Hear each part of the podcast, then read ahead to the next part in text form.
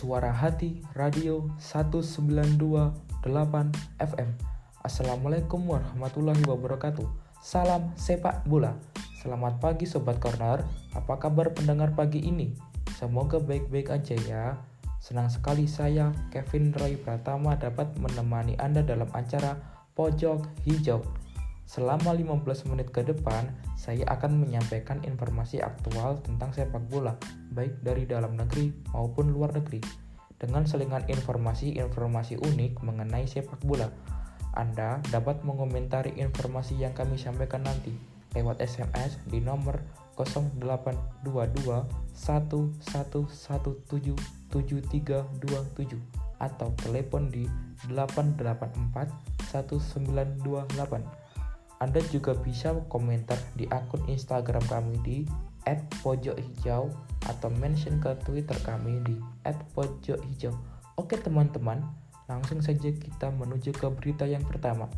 Berita yang pertama ini akan hadir dari sepak bola internasional, tepatnya pada gelaran Euro 2020 yang ditunda satu tahun ya menjadi tahun 2021 ini.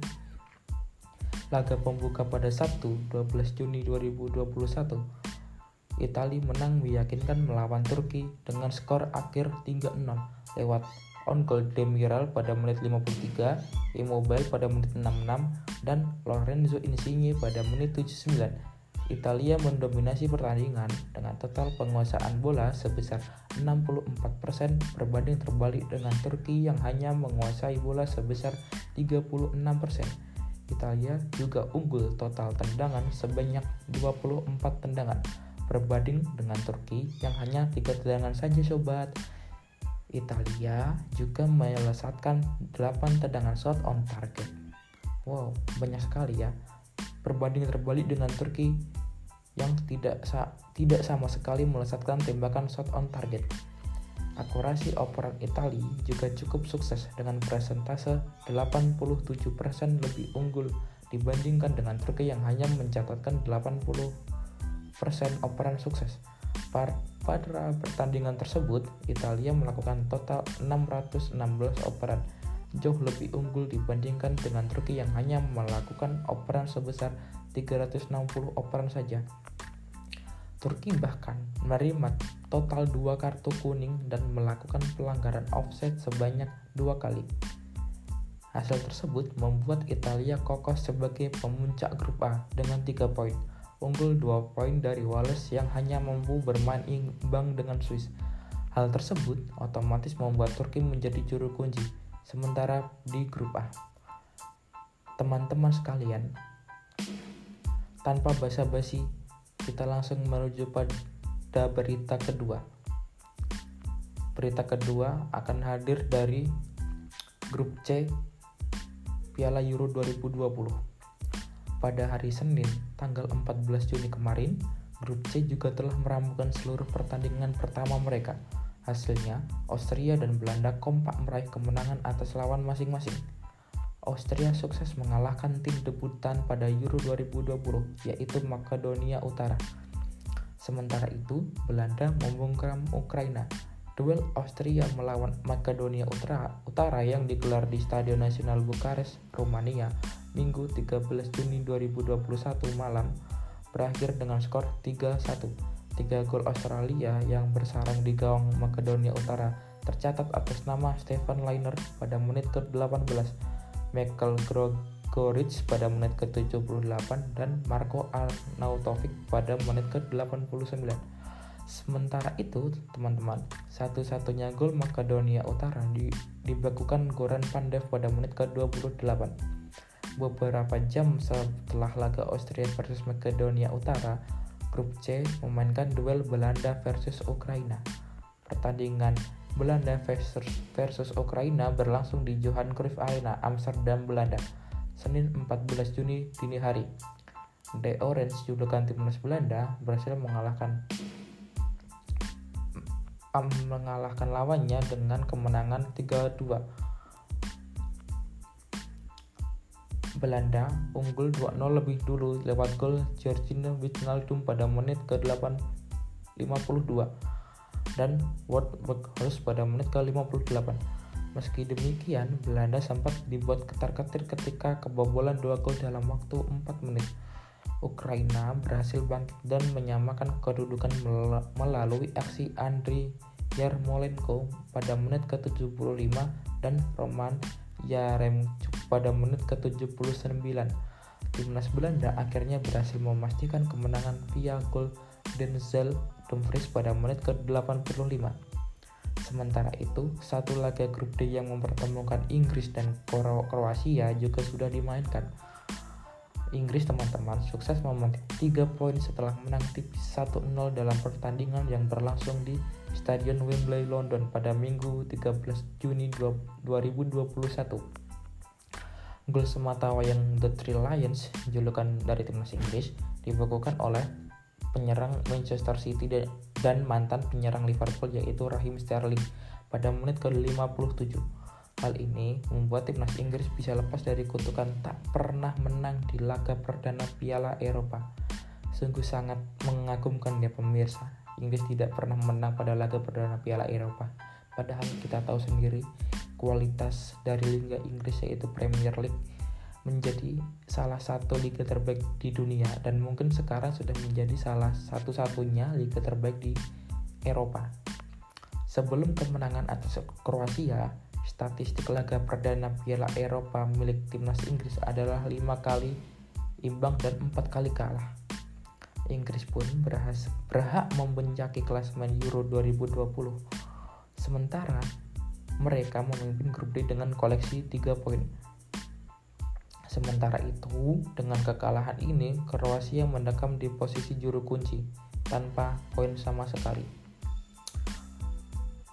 Sejauh ini, teman-teman bisa uh, mengakses berita-berita tentang Euro di berbagai media sosial dan internet ya.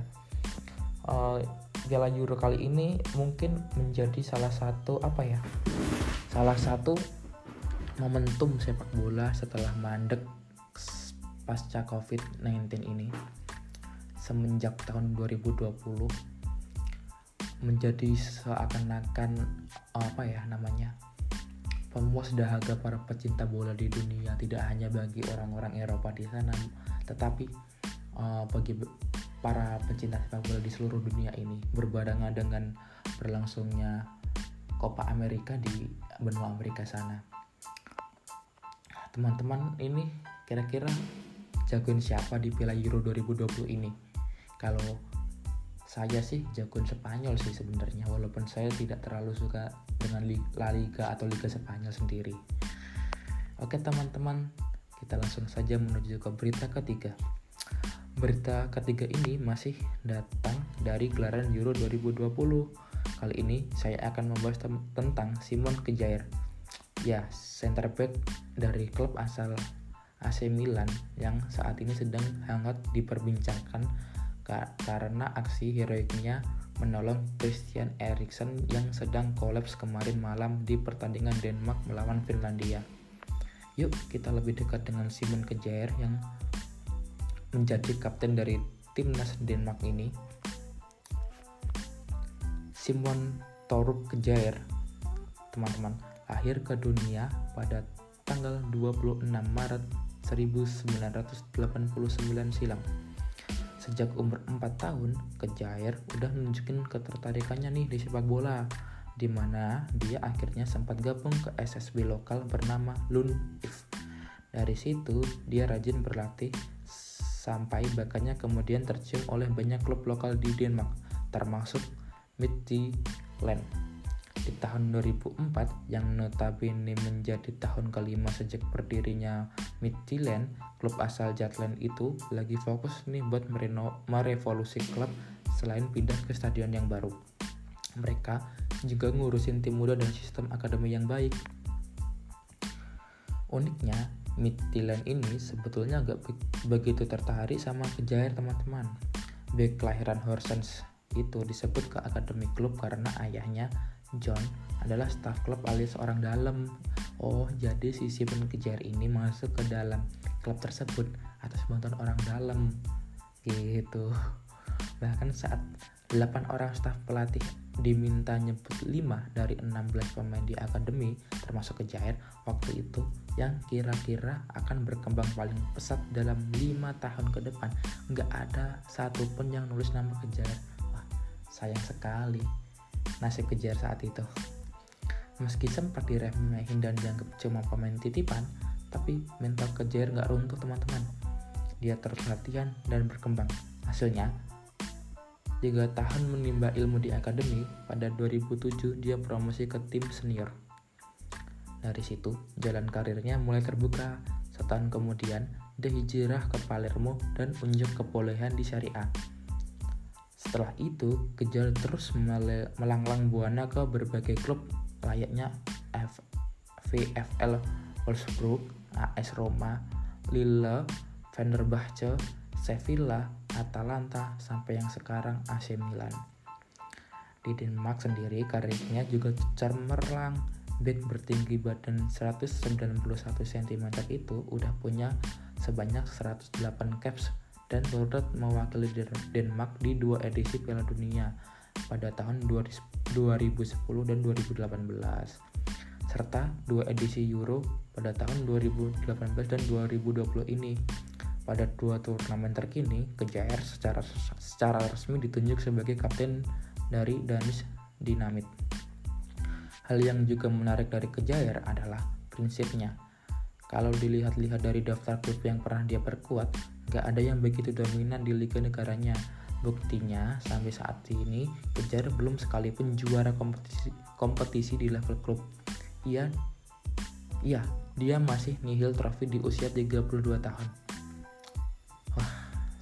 sungguh uh, fakta yang jarang ditemukan pada pemain-pemain di Eropa ya teman-teman karena kebanyakan pemain di Eropa kan pasti mengajar yang namanya klub bagus berprestasi dia bisa menyumbangkan gelar dan men menyabet uh, gelar pribadi seperti Ballon d'Or atau MVP di kompetisi ya kan teman-teman tapi kejar ini dia tidak memikirkan tentang itu seperti seperti itu Meski begitu, Kejar gak kecewa juga.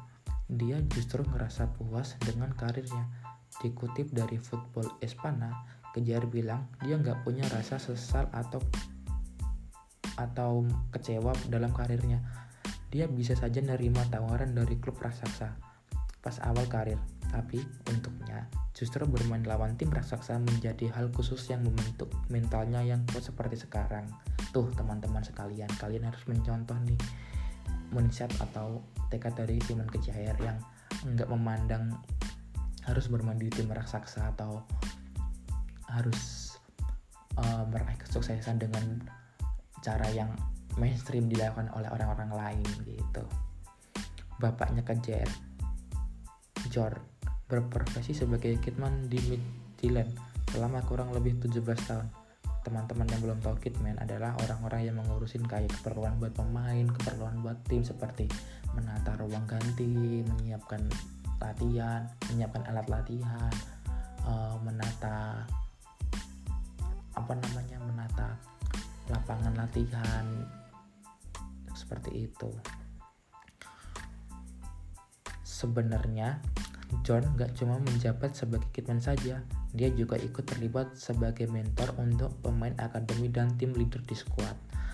John juga sudah sudah menjadi supporter Liverpool sejak dulu. Dia terkenal menjadi supporter Liverpool garis keras nih teman-teman. Di ruangan jersey para pemain Midtjylland yang biasa ia siapkan, John bahkan nyimpen beberapa koleksi jersey Liverpoolnya. Saking fanatiknya, pas memantau drawing group Liga Champion 2020-2021 kemarin, John nangis loh bahagia ketika tahu tim tempatnya kerja bisa satu grup sama Liverpool. Wah, rivalitas nih, teman. Di laga grup B Euro 2020 antara Denmark melawan Finlandia, Kejar selaku kapten nunjukin sikap yang luar biasa, baik khususnya saat nanganin Christian Eriksen yang tiba-tiba kolaps di atas lapangan dan hampir nelan lidahnya sendiri. Dengan cepat, Kejar langsung ngasih pertolongan pertama ke Erikson dengan melakukan CPR atau resusitasi jantung paru. Sebelum tim medis tiba, berikutnya Kejar juga nenangin pasangan Erikson si Sabrina yang ketakutan. Nggak cuma itu teman-teman, Kejer memimpin rekannya buat kumpul mengelilingi Erikson dan menghalau penanganan medis dari kamera.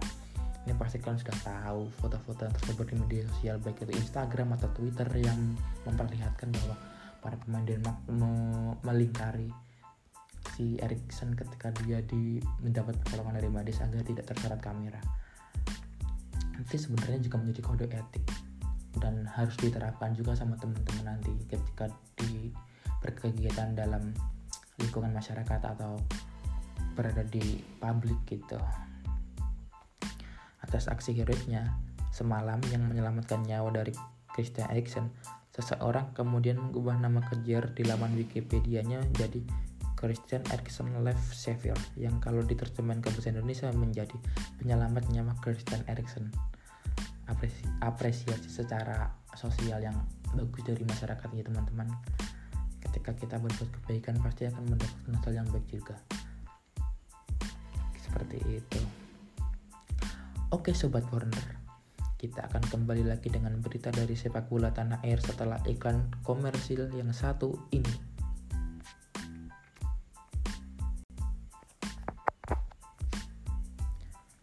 Halo Sobat Corner, kembali lagi di acara Pojok Hijau. Oh iya, sebelum lanjut ke berita selanjutnya, saya harap kalian tetap berada dalam kondisi yang sehat ya. Tetap jaga kesehatan serta taati protokol kesehatan ketika beraktivitas di luar rumah. Sebab angka COVID di Indonesia ini masih terlalu naik loh sob. Jadi jika ingin COVID-nya cepat hilang, maka saya harap kalian tetap keep healthy ya sobat. Biar besok bisa balik lagi ke stadion nonton bola kalau udah ada izin keramaian. Hehehe. Oke sobat corner, langsung saja ke berita yang keempat, yaitu dari klub ibu kota Persija Jakarta. Pada Kamis yang lalu, Persija baru saja meresmikan pelatih mereka nih teman-teman. Pelatih tersebut diperkenalkan kepada publik melalui live streaming di YouTube resmi mereka. Dan di depan para awak media yang mengejutkan lagi, pelatih ini punya segudang pengalaman top loh sobat Nama pelatih baru Persija ini adalah Angelo Alessio. Dia berasal dari Italia. Pria yang berusia 56 tahun tersebut dikontrak manajemen Persija dengan durasi satu tahun dengan opsi perpanjangan tiga tahun sobat. Angelo telah lama menjadi tangan kanan Conte tepatnya pada tahun 2010 ketika mereka berdua sukses bahu-membahu membawa Siena promosi ke Serie A. Alessio merupakan bekas tangan kanan Conte dan pernah merasakan sensasi juara ketika berada di Juve dan Chelsea. Alessio telah lama menjadi tangan kanan Conte tepatnya sejak tahun 2010. Kebersamaan mereka berlanjut dua tahun berikutnya dengan pindah ke Juventus, di mana Conte yang dibantu oleh Alessio sukses membentuk fondasi kuat juara Bianconeri yang mendominasi kancah Serie A selama 9 tahun terakhir. Pada 2014, Alessio mengikuti jejak Conte yang ditunjuk sebagai pelatih tim nasional Italia yang bertahan selama dua tahun sebelum kemudian sama-sama menjajal petualangan baru di luar Italia bersama Chelsea. Alessio lalu berpisah untuk pertama kalinya dengan Conte demi mengejar karirnya sebagai pelatih kepala, memutuskan bergabung dengan klub Liga Utama Skotlandia yang bernama Kilmarnock pada Januari 2019. Tapi teman-teman, kiprahnya di Kilmarnock hanya bertahan sampai Desember tahun yang sama. Dirinya berpisah dengan klub saat berada di urutan kelima klasemen Scottish Championship atau kasar tertinggi Liga Skotlandia. Ya, Liga Skotlandia tersebut adalah liga di mana tempat si dua raksasa Skotlandia yaitu Celtic dan Rangers. Saat menjabat sebagai asisten pelatih Juventus, Alessio sukses merayakan 3 Scudetto Serie A dan 2 Coppa Italia. Sementara di Chelsea, ia juga turut menjadi bagian dari skuad yang menjuarai Liga Primer Inggris pada musim 2016-2017. Wah, hebat banget ya Persija. Mereka mampu mendatangkan pelatih dengan label Eropa yang memiliki segudang prestasi. Semoga ilmu yang telah didapat Elisio mampu dibagikan ke para pemain Persija ya sobat-sobat biar bisa meningkatkan level sepak bola kita kan capek kalau harus lihat timnas dibantai mulu sama negara tetangga kalau saya sendiri lihat Angelo Alessio ini secara taktikal sepak bola uh, dia di Gilmanrok menggunakan formasi paten 4-3-2-1 atau dalam posisi bertahan menjadi 4-4-2 uh, lewat video yang saya lihat pertandingan-pertandingan Angelo Alessio selama di Gilmanrok dia ini mengandalkan double pivot teman-teman jadinya mengandalkan dua defensive midfielder di lapangan tengah serta kebanyakan serangannya itu melalui back sayap kanan atau full back kanan. Dan di Persija sekarang uh, dalam Piala Menpora kemarin juga sudah menerapkan strategi double pivot di tengah dengan duet Mark Klok dan Rahichan atau Tony Sucipto dan Mark Klok. Serta di bek kanan kita tahu sendiri Persija punya pemain hebat yaitu mantan pemain Juventus si Marco Motta serta di winger kanan ada Rico Simanjuntak.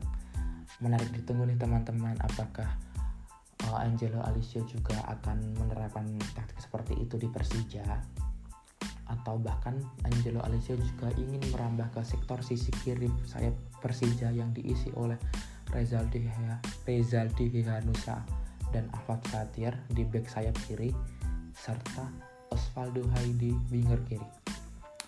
Materi pemain Persija ini kayaknya cocok banget sih sama gaya permainan Angelo Alicio gitu teman-teman.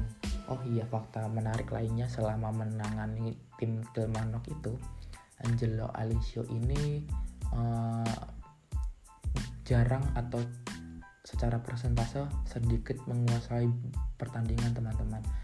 Dia rata-rata pertandingan tiap pertandingan penguasaan bolanya hanya sekitar 45% jadinya dia lebih mengandalkan crossing crossing um, atau umpan-umpan silang seperti itu. Dan crossing crossing tersebut juga menjadi andalan dari Persija Jakarta sejak juara tahun 2018 hingga saat ini.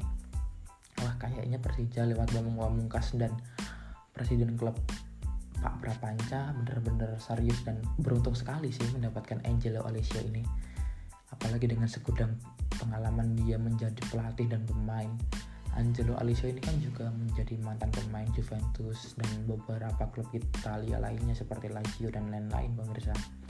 Jadi ya jangan diragukan lagi lah uh, kapasitas dari Angelo Alisio.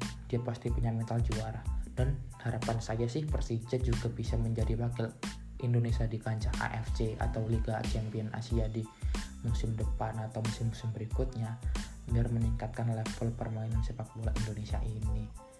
Seperti itu teman-teman. Uh, fun fact sih saya juga tahu. Uh, di Gilman Rock sendiri sebenarnya Angelo Alicio itu nggak nggak buruk-buruk banget kok. Saya lihat di Twitter kemarin.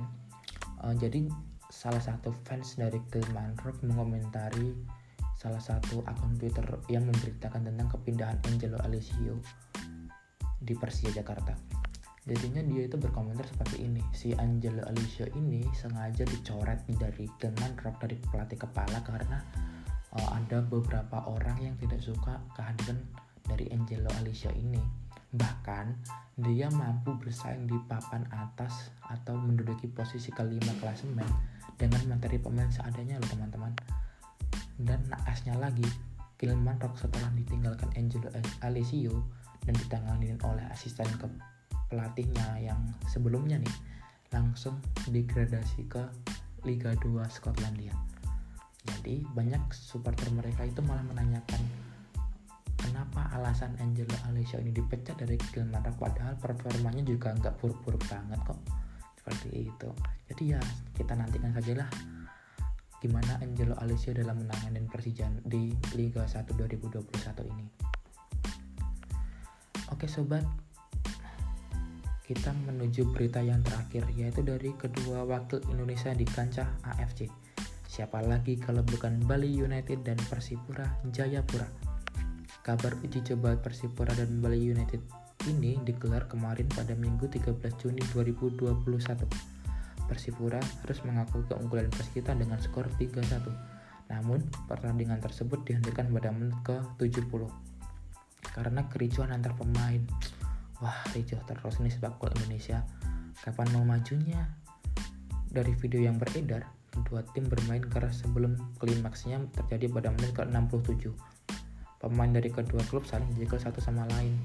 Para pemain Persita dan Persipura juga langsung bersih tegang. Kerumunan itu memancing pemain dan ofisial kedua tim yang berada di bank cadangan masuk ke dalam lapangan. Pelatih Persipura Jayapura, Jackson F. Diego mengatakan jika insiden tersebut terjadi di Piala, Piala AFC, maka timnya akan langsung didiskualifikasi. Ya iyalah standar Piala AFC, standar Liga Asia. Pasti juga ketat sih peraturan wasitnya.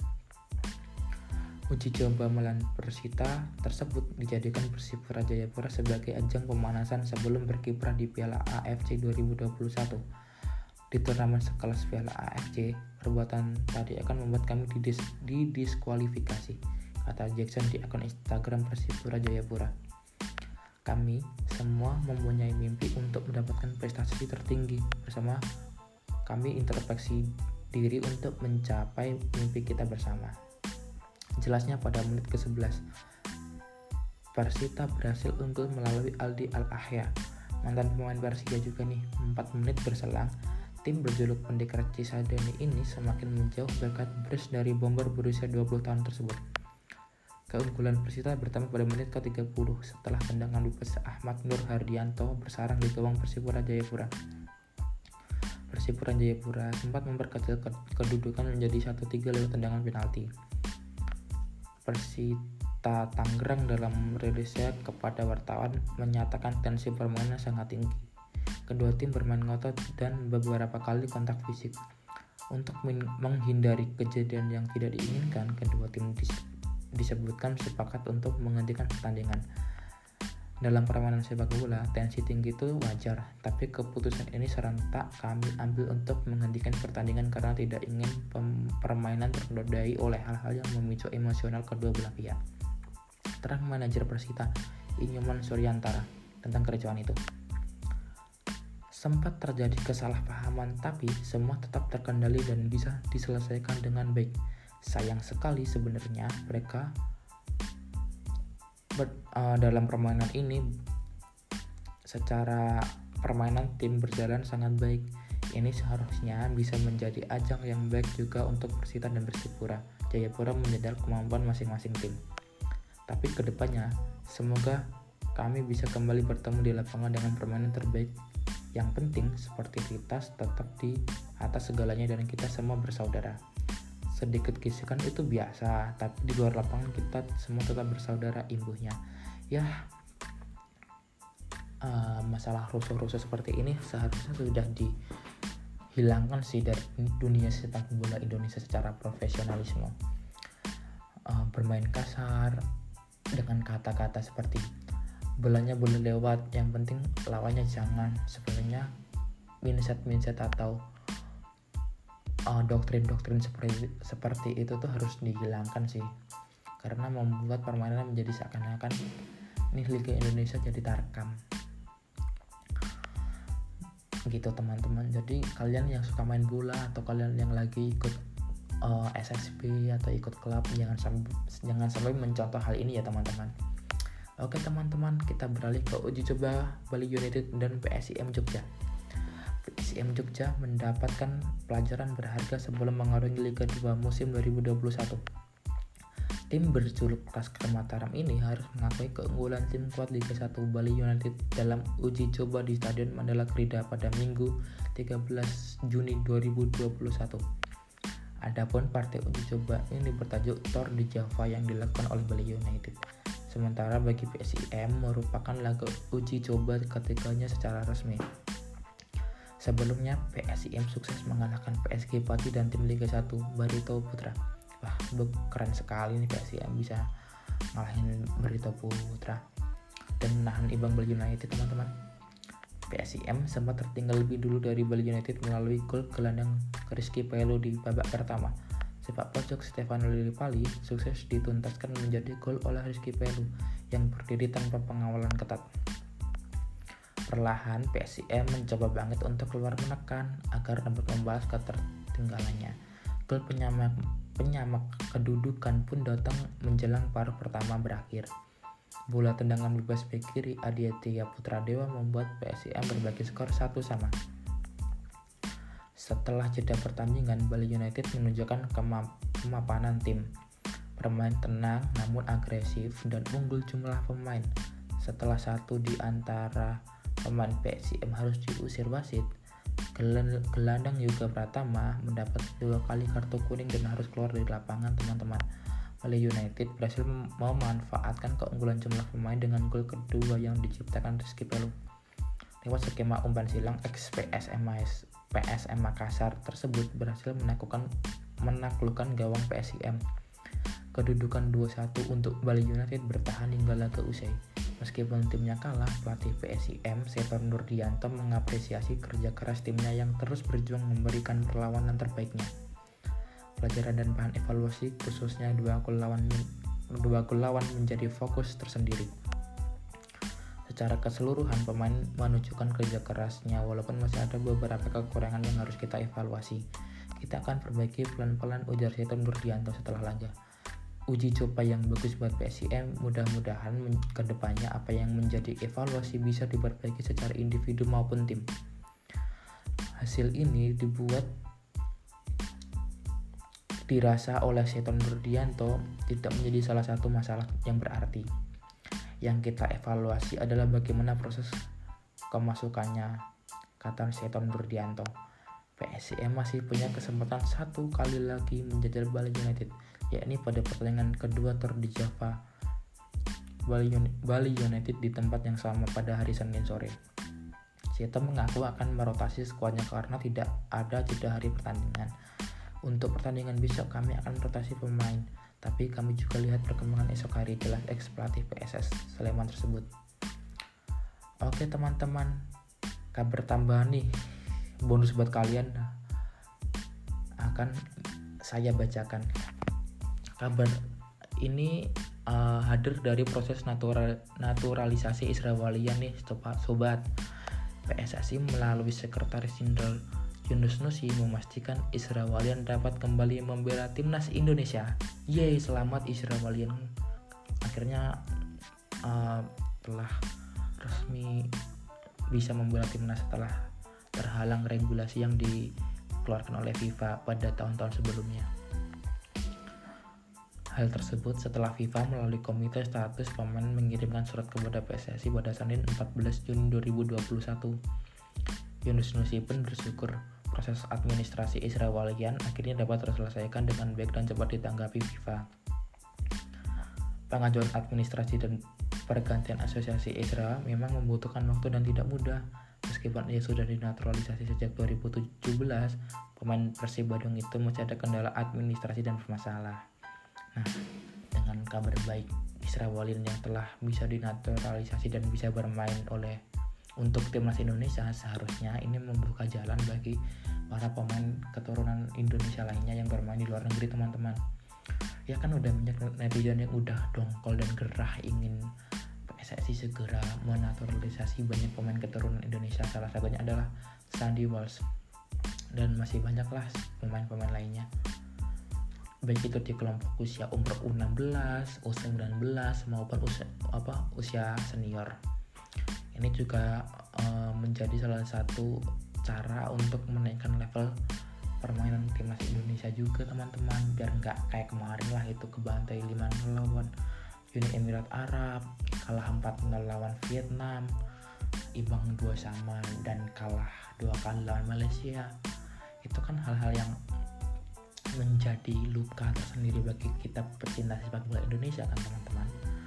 Kita juga pastinya ingin PSSI seperti mencontoh seperti Prancis dan negara-negara Eropa lain yang padahal liga mereka udah berkualitas tetapi mereka masih melakukan naturalisasi demi mendongkrak permainan tim. Itu teman-teman. Wah udah nggak kerasa nih sobat corner udah lebih dari 30 menit Kevin menemani sobat semua di program Pojok Hijau saatnya Kevin bakal pamit undur diri dan jangan lupa, bentar lagi akan ada acara Jajatpedia dari jam 9 pagi sampai jam 10 siang nanti. So, jangan ke mana-mana ya. Tetap stay tune di Suara Hati Radio 1928 FM. Sepak bola adalah alat persatuan dan alat perjuangan. Ayo olahraga, ayo main sepak bola.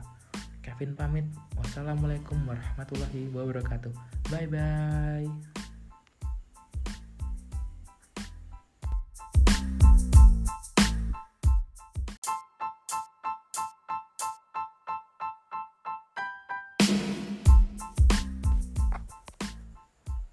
Suara Hati Radio 1928 FM.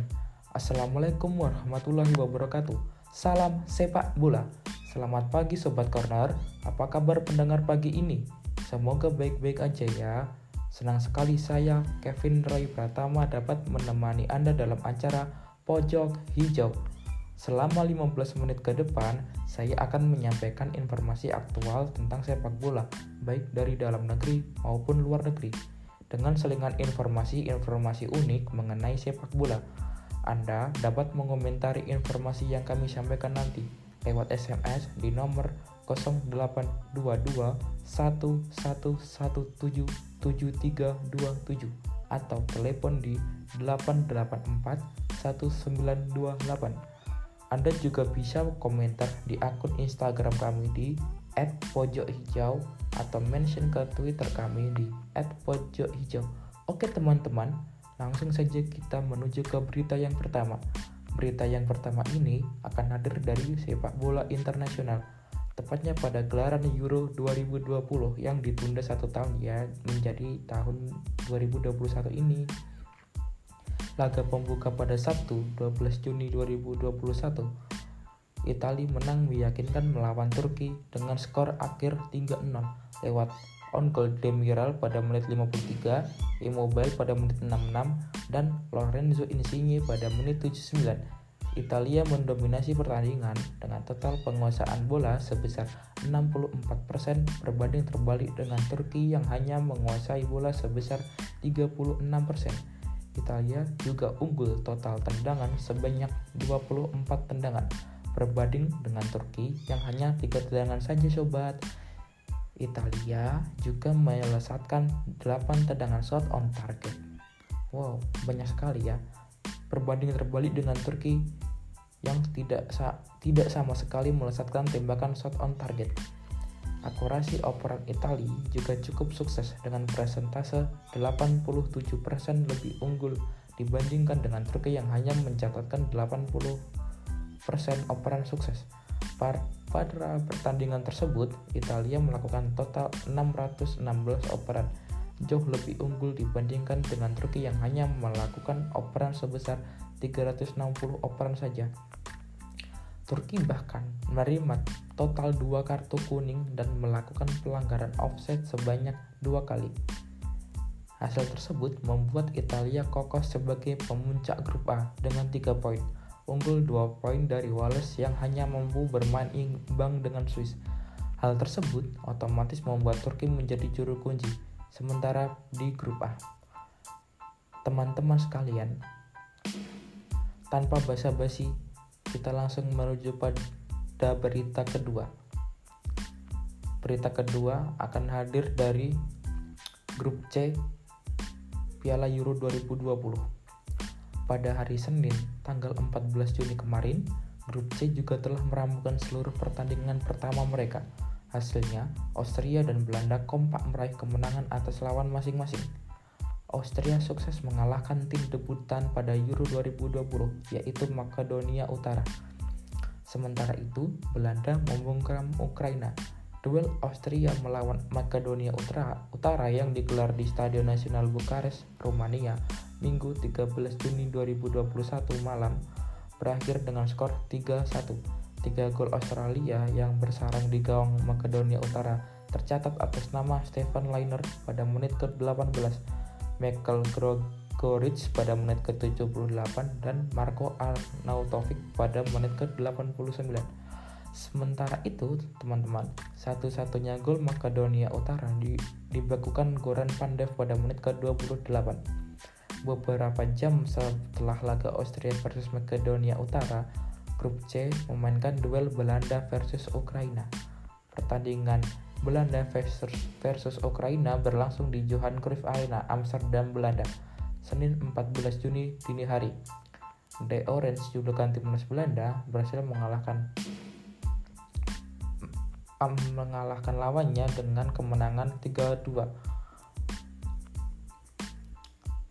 Belanda unggul 2-0 lebih dulu lewat gol Georgina Wijnaldum pada menit ke-8 52 dan Wout Weghorst pada menit ke-58.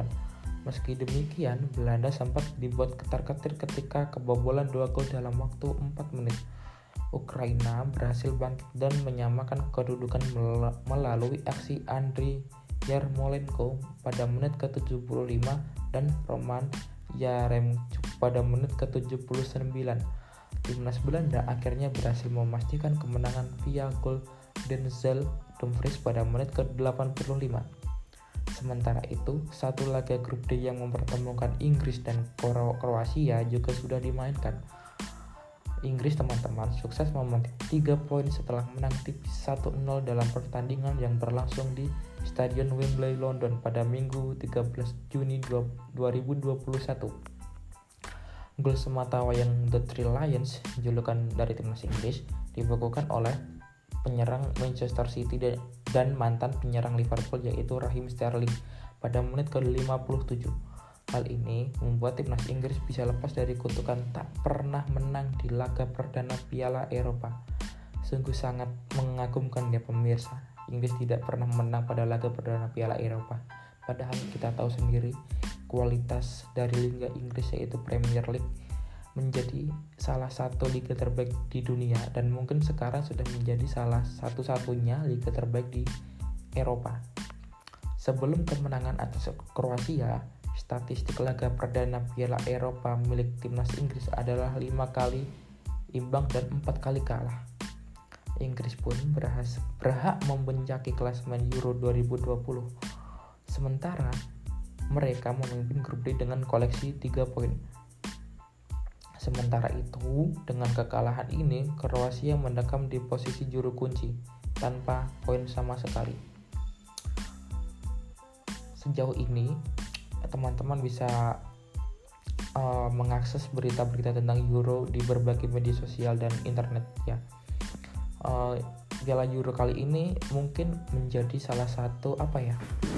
Salah satu momentum sepak bola setelah mandek pasca COVID-19 ini semenjak tahun 2020 menjadi seakan-akan apa ya namanya pemuas dahaga para pecinta bola di dunia tidak hanya bagi orang-orang Eropa di sana tetapi uh, bagi para pecinta sepak bola di seluruh dunia ini berbarengan dengan berlangsungnya Copa Amerika di benua Amerika sana teman-teman ini kira-kira jagoin siapa di Piala Euro 2020 ini kalau saya sih jagoan Spanyol sih sebenarnya walaupun saya tidak terlalu suka dengan La Liga atau Liga Spanyol sendiri.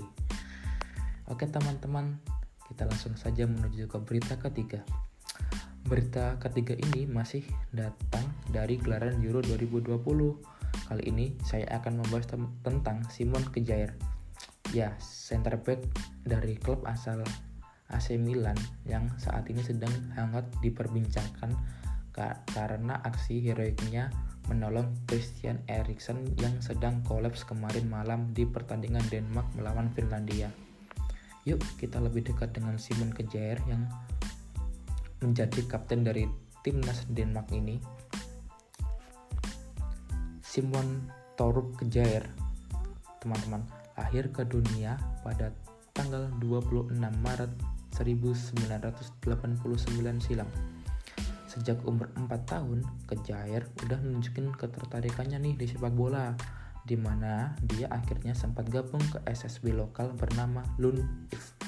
Dari situ, dia rajin berlatih sampai bakatnya kemudian tercium oleh banyak klub lokal di Denmark, termasuk Midtjylland di tahun 2004 yang notabene menjadi tahun kelima sejak berdirinya Midtjylland, klub asal Jutland itu lagi fokus nih buat mereno merevolusi klub selain pindah ke stadion yang baru.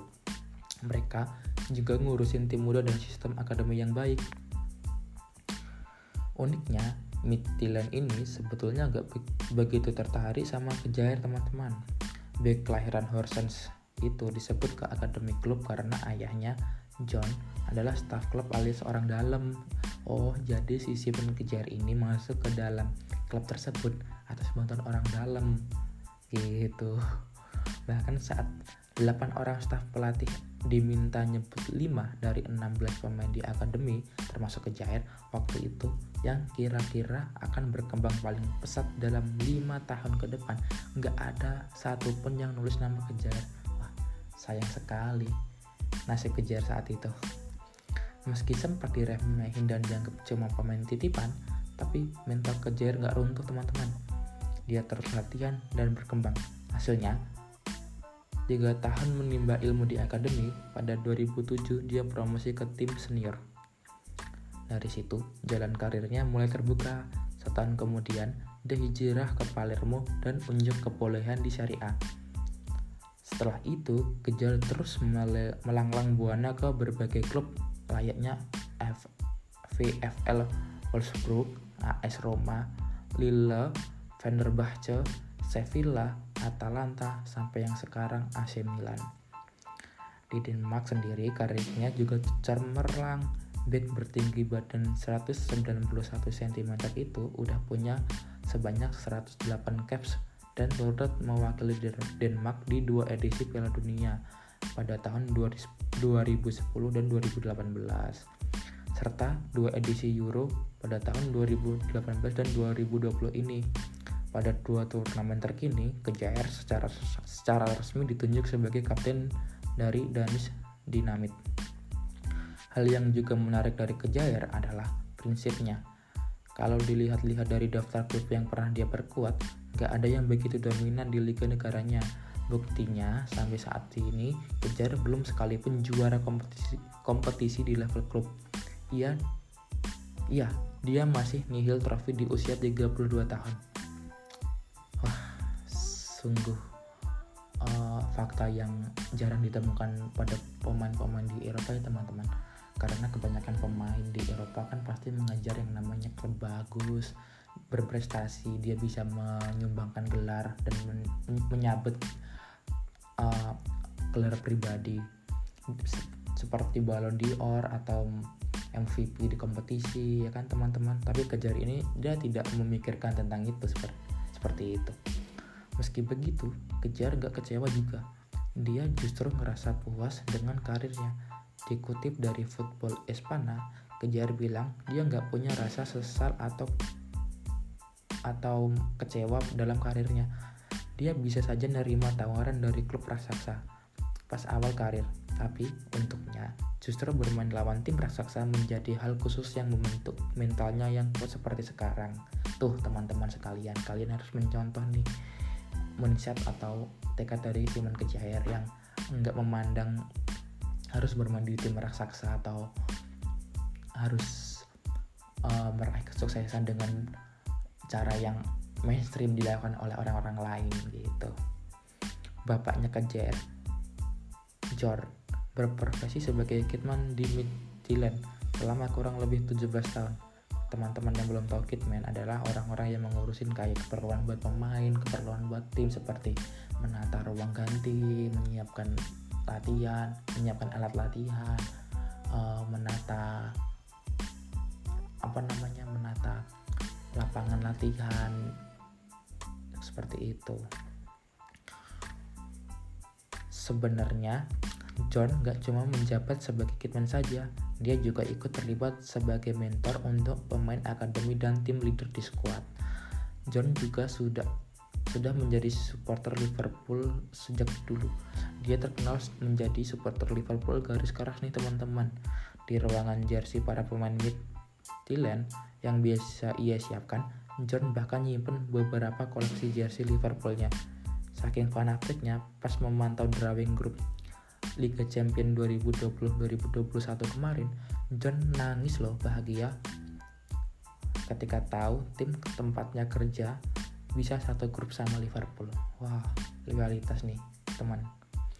Di laga grup B Euro 2020 antara Denmark melawan Finlandia, Kejair selaku kapten nunjukin sikap yang luar biasa, baik khususnya saat nanganin Christian Eriksen yang tiba-tiba kolaps di atas lapangan dan hampir nelan lidahnya sendiri. Dengan cepat, Kejar langsung ngasih pertolongan pertama ke Erikson dengan melakukan CPR atau resusitasi jantung paru. Sebelum tim medis tiba, berikutnya Kejar juga nenangin pasangan Erikson si Sabrina yang ketakutan. Nggak cuma itu teman-teman, Kejer memimpin rekannya buat kumpul mengelilingi Erikson dan menghalau penanganan medis dari kamera. Ini pasti kalian sudah tahu foto-foto yang tersebar di media sosial baik itu Instagram atau Twitter yang memperlihatkan bahwa para pemain Denmark melingkari si Erikson ketika dia di mendapat pertolongan dari medis agar tidak terseret kamera. Nanti sebenarnya juga menjadi kode etik dan harus diterapkan juga sama teman-teman nanti ketika di berkegiatan dalam lingkungan masyarakat atau berada di publik gitu. Atas aksi heroiknya semalam yang menyelamatkan nyawa dari Christian Eriksen seseorang kemudian mengubah nama kejar di laman Wikipedia-nya jadi Christian Eriksen Life Savior yang kalau diterjemahkan ke bahasa Indonesia menjadi penyelamat nyawa Christian Eriksen. Apresi apresiasi secara sosial yang bagus dari masyarakat ya teman-teman ketika kita berbuat kebaikan pasti akan mendapatkan hal yang baik juga. Seperti itu. Oke sobat corner kita akan kembali lagi dengan berita dari sepak bola tanah air setelah iklan komersil yang satu ini